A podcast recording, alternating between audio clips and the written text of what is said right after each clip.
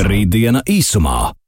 Raidījums īstenots ar Eiropas Reģionālās attīstības fonda atbalstu. Tehnoloģijas, nākotne, attīstība un tam visam pa vidu cilvēks. Aktuālākie zinātnes jaunumi - Rītdiena īsumā. Čau, čau, čau, vēlreiz Magnus un sveiki, radio skatītāji!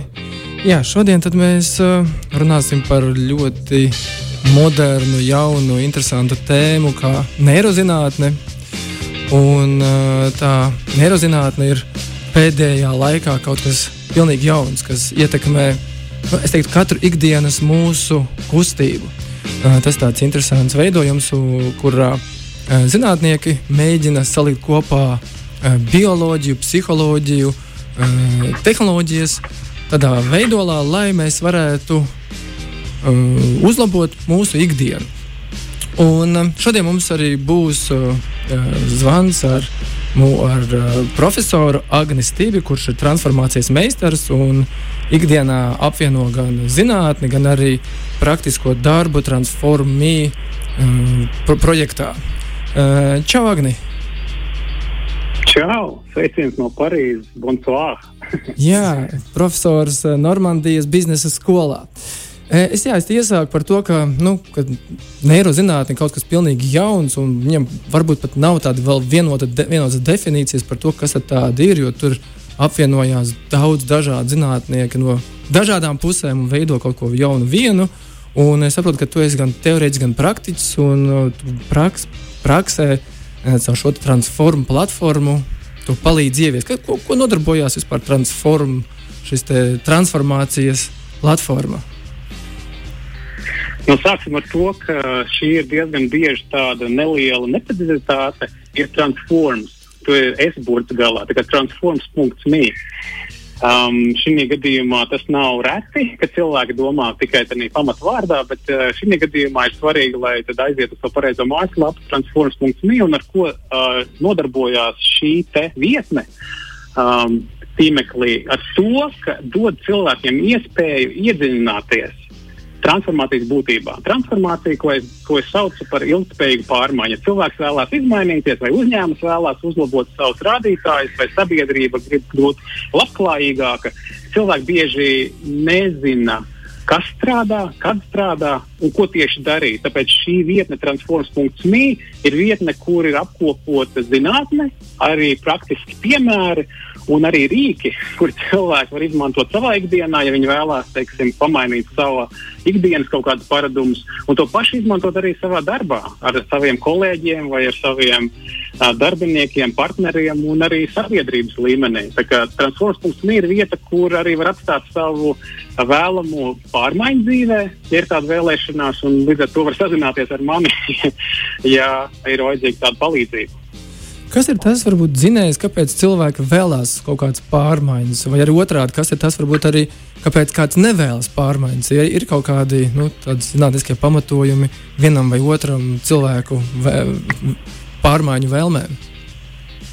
Jā, būs ļoti vienkārši atbilde. Viss ir mūsu dabā. Un, ja mēs skatāmies, ka dažreiz cilvēki negrib pārmaiņas, dažreiz cilvēki grib pārmaiņas, un tad ir trešais variants, cilvēki grib pārmaiņas, bet viņiem nesanāk.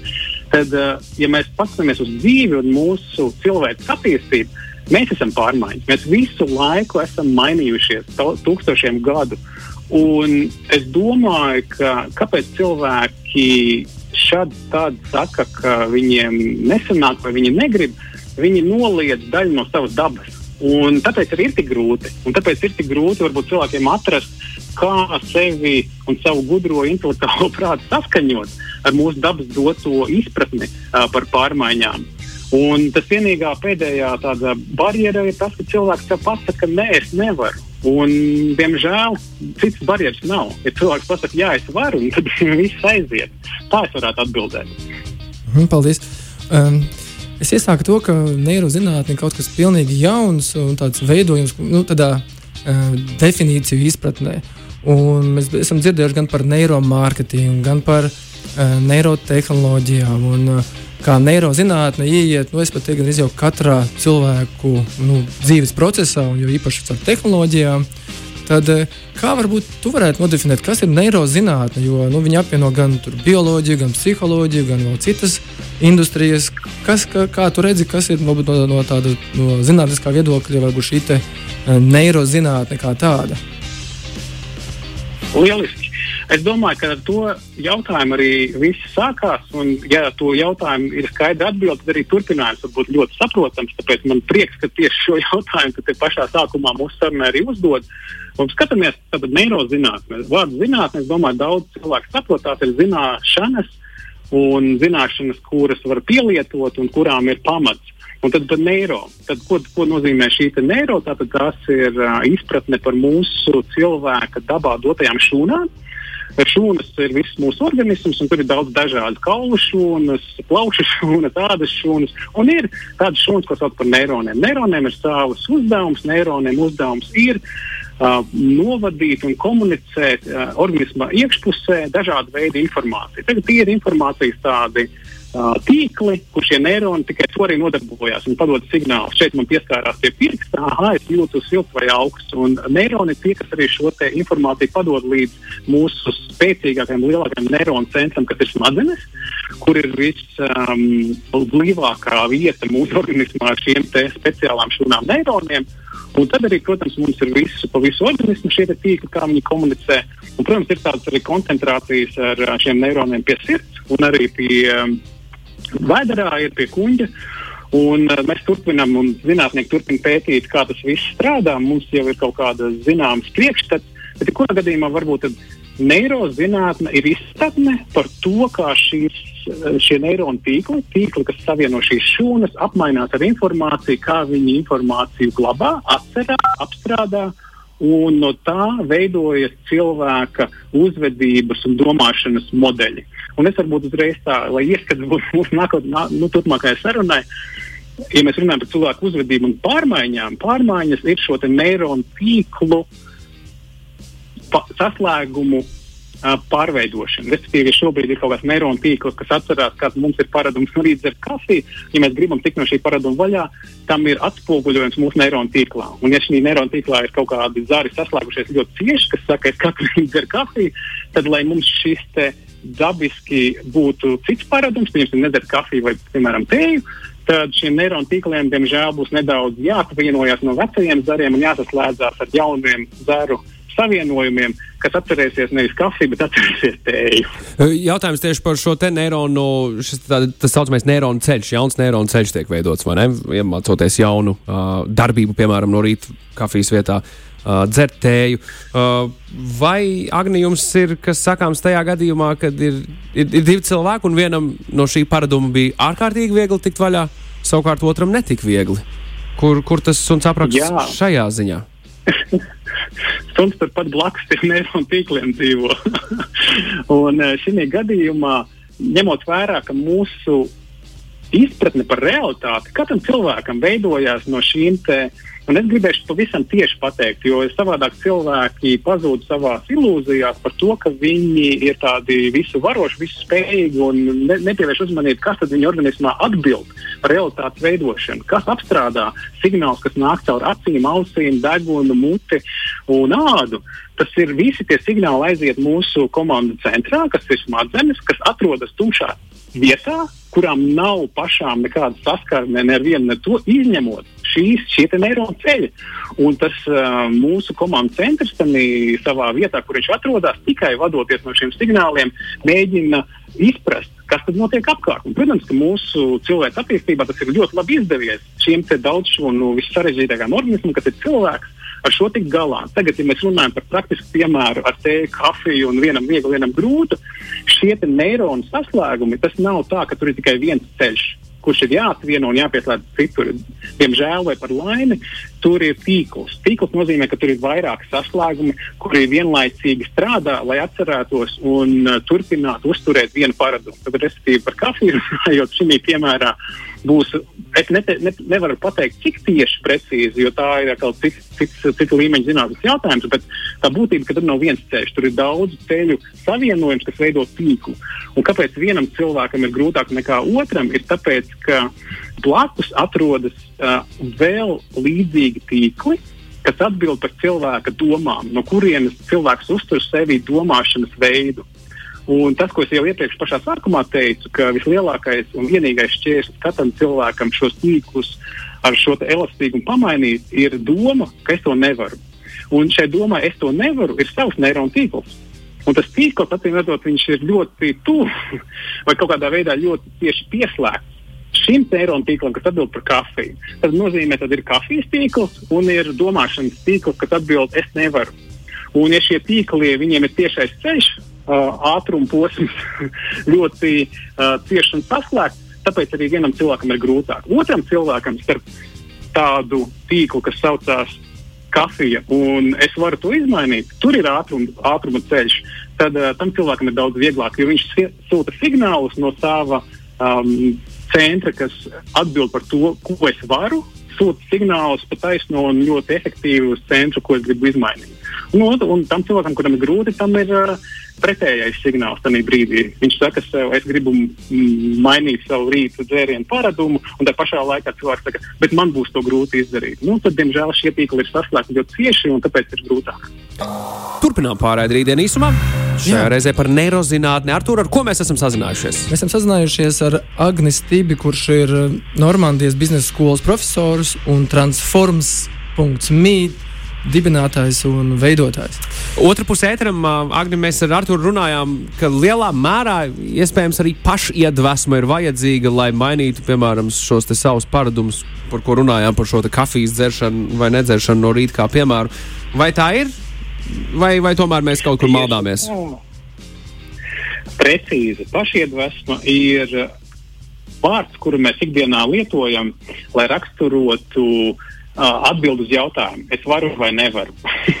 Tā mēs jau iepriekš par to runājām, es domāju, tas ir vienkārši tāds tautas valodā veids, kā cilvēks var pateikt uh, skaidrāk, varu vai nevaru, ir piešķiedats vai nav.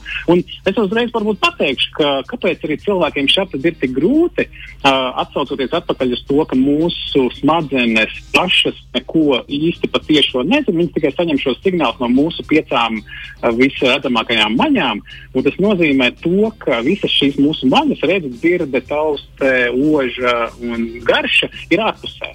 Un tāpēc cilvēks arī ikdienā meklē kaut ko ārpusē, kas viņam varētu palīdzēt izmainīt domas iekšpusē. Un tāpēc atrod kaut kādus uh, uzmundrinājumus caur balvām, pats sev var atbalvot, uzņēmumu atbalvot savus darbiniekus, kaut kādus bonusus un tam līdzīgi. Un arī mēģina izmēģināt no kaut kāda soda, teiksim, cilvēki varbūt krājkasītē kaut ko met, ja viņi uh, neizdara to, ko viņi paši sev ir solījuši. Tāpēc viss šis te neironu skatījums uz mūsu cilvēku pārmaiņām, manā skatījumā, ir ļoti redzams, kāpēc ir dažreiz grūti, tāpēc ka manis ir ārpusē, un mēs gribam ārpusē ar kaut ko sevi piemānīt. Un tāpēc tas, ko es daru, es saku, viss ir iekšpusē, iekšpusē gan izpratne, gan arī rīki, gan arī dabā dots, kā jūs saucat par transformācijas gēnu, ka mēs nebūtu tik tālu izdzīvojuši un attīstījušies, ja mēs jau nezinātu par visām šīm pārmaiņām. Tāpēc vienīgais, ko cilvēki var ikdienā teikt, jā, man tagad vajag vairāk motivācijas. Nu, nē, meli.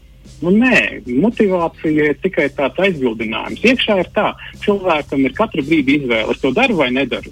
Un, ja es daru, tad daru. Ja nedaru, tad nedaru. Ja es nedaru, tad man ir vai nu iemesls, vai es vienkārši sev mēģinu no tā atrunāt. Nu, tā es mēģinu to visu izskaidrot, runājot par pašiedvesmu, no, novedot līdz tādām vienkāršām lietām. Darīt, nedarīt. Un, tā, es veicu savas iekšējās pārmaiņas, es ļoti daudz ar to pēdējā laikā strādāju. Pieņemsim par zobu tīrīšanu. Un daudz cilvēku tīra zobus, un daži cilvēki tīra arī nu, lieto zobu dievu. Man pirms tam nebija iespēja to sev pieņemt dzīvē, man nebija iemesls, nebija domāšana, man tāds grūti, nevaru. Bet pēc tam es vienkārši paņēmu, es vai nu daru vai nedaru. Nopirku diegu, vai pareizi sakot, atradās diegs mājās, un es teicu, nu, pamēģināšu. Sāku mēģināt visu, uzreiz aizgāju. Es vienkārši daru vai nedaru. Jā, tu pieminēji ka uzņēmumi arī strādā nu, nosacīti pie neirozinātniskām aktivitātēm iekšēji, gan lai darbinieku stimulētu vai lai klientu stimulētu. Un, nu, jāsaka, izstrādāt dažādus risinājumus, lai, nu, piemēram, platformās cilvēki pavadītu ilgāk. Līdzīgi kā azartspēles, protams, arī cilvēki, nu, uzņēmums vēlās ievilināt pie sevis uh, klientus, lai uh, nodarbotos ar viņu pakalpojumu sniegšanu. Un tieši tāpat arī platformas, piemēram, tas pats Facebook, populārais, arī veido dažādus risinājumus, lai nu, lietotājs sēdētu ilgāk. Nu, piemēram, šis te saucamais infinitum scroll, jeb šis bezgalīgais, bezgalīgā šķiršana, kur tu visu laiku skrolē, skrolē, skrolē lejā, un tur nemītas parādās atkal kaut kas jauns. Jautājums man grib būt tāds, kur ir tā robeža, nu, cik, cik daudz ir labi e, izmantot šīs zināšanas un ietekmēt nu, darbiniekus, klientus, uh, viņu uzvedību kā tādu. Cik, kur ir tā robeža uh, labam un varbūt jau neliederīgam zinātniskam pielietojumam? Labi ir tad, ja tas ir līdzsvarā ar mūsu dabu ko līdz mēs ej, pa, ejam pāri šai robežai, tas ir pretdabiski. Un es domāju, tur ir ļoti vienkārši izskaidrojums, kas ir dabiski un kas ir pretdabiski. Tas nozīmē, kā ir mūsu organisms ar savu šūnu uzbūvi, kā viņš jūtās uh, ar vidi saskaņā. Un, ja mēs tam nepārējām pāri, tad tik līdz, līdz tai robežai mēs to varam darīt. Un, protams, ka mūsdienās daudz uzņēmumu, arī minētie jau tikko, ir pārgājuši pāri šai robežai. Kāpēc? Tāpēc, ka cilvēki kļūst atkarīgi. Un uh, cilvēka atkarība arī ir mūsu dabā. Bet, ja uzņēmums apzināti ir izveidojis veidus, kā, uzņa, uh, kā lietotājs cilvēks padarīt vēl atkarīgākus tikai tāpēc, lai iegūtu viņu uzmanību un to uzmanību monetizētu caur uh, reklāmām, nu, diemžēl tie ir tie mūsdienas. Um, Tumšie piemēri, kā neirozinātne tiek izmantota pret cilvēku dabu. Un, ja mēs paskatāmies, ko nozīmē būt līdzsvarā ar dabu, tas nozīmē, ka cilvēkam ir fizioloģiski, fizioloģiskais līdzsvars, ir uh, morālais līdzsvars un arī ir um, viss pārējā veida labklājības sajūta cilvēkam. Tagad, ja mēs pieiesim, kāpēc cilvēks vispār var kļūt atkarīgs no kaut kāda šāda veida neirozinātnes, kas tiek pielietot vienā vai otrā virzienā, tāpēc, ka viņi strādā ar mūsu hormoniem. Un tie redzamākie hormoni protams, dopamīns, oksitocīns, serotonīns un endorfīns. Neiesim detaļās, bet tie ir tie ķīmiskie mm, daļiņas, kas mūsu organismā tiek izdalītas pie uh, noteiktām pieredzēm. Un, ja šīs pieredzes ir kaut kas patīkams, kā piemēram dopamīns par sasniegto mērķi, tad šī gadījumā tā bezgalīgā Facebook siena ir tas, ka mēs meklējam nākamo mērķi, ko mēs gribam sasniegt. Mēs varbūt, varbūt gribam ieraudzīt, ko mums draugi ir aizlidojuši uz kādu ceļojumu. Šī gadījumā varbūt mazāk, bet varbūt ko, kādas citas uh, labas lietas ir notikušas. Citi meklē sliktas lietas, lai, lai apstiprinātu, ka viņu dzīve viss ir kārtībā. Un pateicoties šim mūsu dabā iedotajam ķīmiskajām reakcijām organismā, kas nodrošina šo hormonu izdalīšanos, ar viņām neirozinātnieki un dažādi uzņēmumi lietojot šīs neirozinātnes var uh, spēlēties un aizspēlēties aiz uh, ētiskajām robežām. Tā, tā tas viss notiek. Es, protams, esmu cilvēks, kas vienmēr skatās, kā līdzsvaru atgūt. Un viss mans darbs šobrīd ir par to, sākot ar, ar individiem, run, runājot ar uzņēmumiem, arī sakārtojot gan iekšējās uh, lietas, gan arī darbā ar tirgu. Un arī sabiedrības līmenī, kur es bieži runāju par pilsētu vidas, par labklājības pilsētu vidas uh, veidošanu.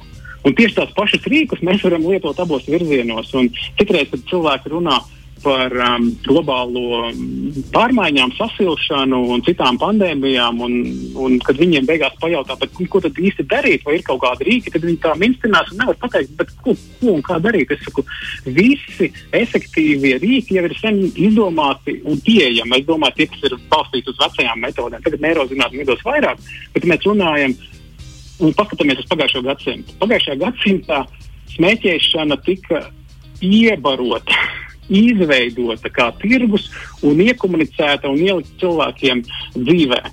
Ļoti efektīvi. To mēs varam paskatīties ar gāzētiem, cukurotiem dzērieniem. Tika viss izdarīts, tas ir ļoti efektīvi. Paņemam tos pašus rīkus un pagriežam otrā virzienā, pieliekam klāt neirozinātni un mākslīgo intelektu.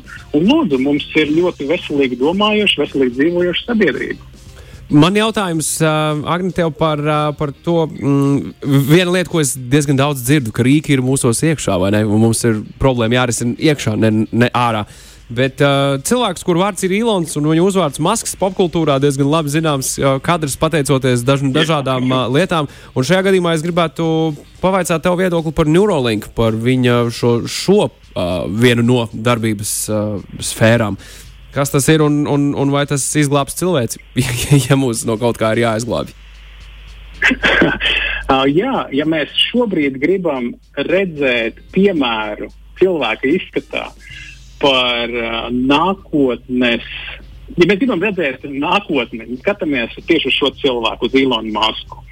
Uh, viņš šī gadījumā un šobrīd ir ļoti spilgts un ļoti starojošs tieši domājot par to, kā mēs varam izveidot šo sadarbību starp cilvēku un tehnoloģiju, lai sasniegtu labāku dzīvi visiem kopā, atšķirībā varbūt no daudziem citiem.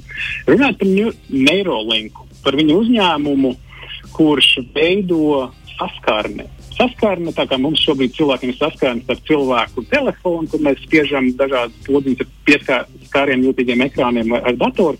Viņš strādā ar šo saskarni starp datoru un smadzenēm vai neironu tīkliem smadzenēs patiešo. To, ko viņi ir izdarījuši, viņi ir izveidojuši ļoti smalku tehnoloģiju, ar kuras palīdzību var cilvēka galvaskausā ievietot uh, nelielu tehnoloģiju, kura būs pieslēgta patiešām tādiem smalkākiem kanāliem nekā mūsu cilvēku mats vai mati. Pat taisno šiem neironu tīkliem. Kāpēc? Viens uzdevums, viens uzdevums šai visai tehnoloģijai ir tāds, lai palīdzētu stimulēt un sūtīt signālus ar daudz augstāku precizitāti un daudz lielāku ātrumu. Tad būtiski viens jautājums, uz ko viņi atbild ar šo tehnoloģiju, ir par to, vai mēs varam, var, varam pātrināt saskarni starp cilvēku smadzenēm, neironu tīkliem un datoriem. Ko mēs šobrīd darām? Mēs šobrīd lietojam datorus, izmantojot acis un rokas. Bet tas, ko viņš saka, ar tādu ātrumu mēs tālu netiksim. Mums vajag uztaisīt tādu kā tiešāku saslēgumu, un tā, tā, tā tehnoloģija, ko viņi ir izveidojuši, šobrīd viņi tiek pielietota, lai palīdzētu cilvēkiem cīnīties ar dažādām novecošanas saistītām slimībām. Un viņi jau ir sasnieguši, ko tas nozīmē, ja šobrīd ir neironu tīkls, kas ir um, sācis um, savu teiksim, vecuma izraisīto degradēšanos. Tad viņi ar šo tiešo stimulāciju var to atjaunot. Un cilvēkiem var atjaunoties labāk atmiņa, cilvēkiem var atjaunoties vai izlabot kaut kādus tīklus, kas viņiem rada vecuma saistītas slimības. Un tas jau ir pierādīts. Un šobrīd viņi ar šo ceļu ejot, um, pakāpeniski uh, veidos um, cilvēcei iespēju risināt ļoti daudz ar veselību un ilgspēju vai ilgdzīvošanu saistītus jautājumus, kurš šobrīd bija ļoti grūti. Es domāju, ka misija ir laba un uh, arī rezultāti šobrīd ir labi. Šobrīd uh, ķīnieši nu, ir nu, testējot, iedarbinājuši ar tādu sociālo lojalitātes programmu, kur uh, iedzīvotājiem nu, tiek doti punkti, ja iedzīvotāji krāga punktus par dažādām sociālām aktivitātēm. Tādā veidā viņi tā kā, uh, pelna bonusus, pelna labākas iespējas ikdienā. Nu, līdzīgi kā ir lielātāts programmas uh, uzņēmumiem, tā valsts līmenī, lielātāts programma arī tiek testēta nu, atsevišķā reģionā. Un, uh, tā kā mums ir tāds noslēgums jau raidījumam, ja uz beigām, tad man būtu tāds mm, Agnēta jautājums, varbūt ar jā vai nē var atbildēt. Kā tu redzi, vai nākotnē kaut kas tāds izplatīsies arī citur, Eiropā vai Amerikā, vai vispār varbūt globāli. Tādas lielākas programmas, kur valsts līmenī iedzīvotāji krāj punktus par labiem darbiem, nezinu, uztai, uztai, labu uzvedību. Labu uzvedību, jā, tu labi brauc. Nevis tev ir mīnuspunkti, bet tev ir pluspunkti. Ja tu izdari kādu, nezinu, nezinu nodod asins, atkal krāj punktus, un ja tu dari sliktus darbus, iet mīnusā. Nu, lielākās programmas, kas ir uzņēmēta tikai valsts līmenī. Nu, jā, vai nē, vai kaut kas tāds izies globāli, vai tas tomēr paliks testa līmenī Ķīnā. Un, nu, tas tomēr ir pārāk biedējošs uh, faktors valsts līmenī. Nu, kā tu redzi, jā vai nē? Negribētos. okay. man, at, man atbild ir negribētos. Jo kāpēc? Uzreiz varbūt pavisam īsi paskaidrošu. Tāpēc, ka tāda sistēma un tāda spēļošana ir orientēta uz zemu apziņu, vidējo sabiedrības apziņas līmeni. Es tajā vietā gribētu redzēt apziņas celšanas uh, mēģinājumus un sistēmas, kas palīdzētu katram cilvēkam un sabiedrībai Jā. celt apziņu, nevis viņu manipulēt šādā vidējā līmenī. Paldies, Agni, mums ar tevi būs jāsazinās vēl kādreiz. Ar vienu raidījumu ir par maz. Paldies! Paldies, Agni! Jā, burvīgi! Tiekamies nākamajās raidījumos! Rītdiena īsumā! Raidījums īstenots ar Eiropas Reģionālās attīstības fonda atbalstu.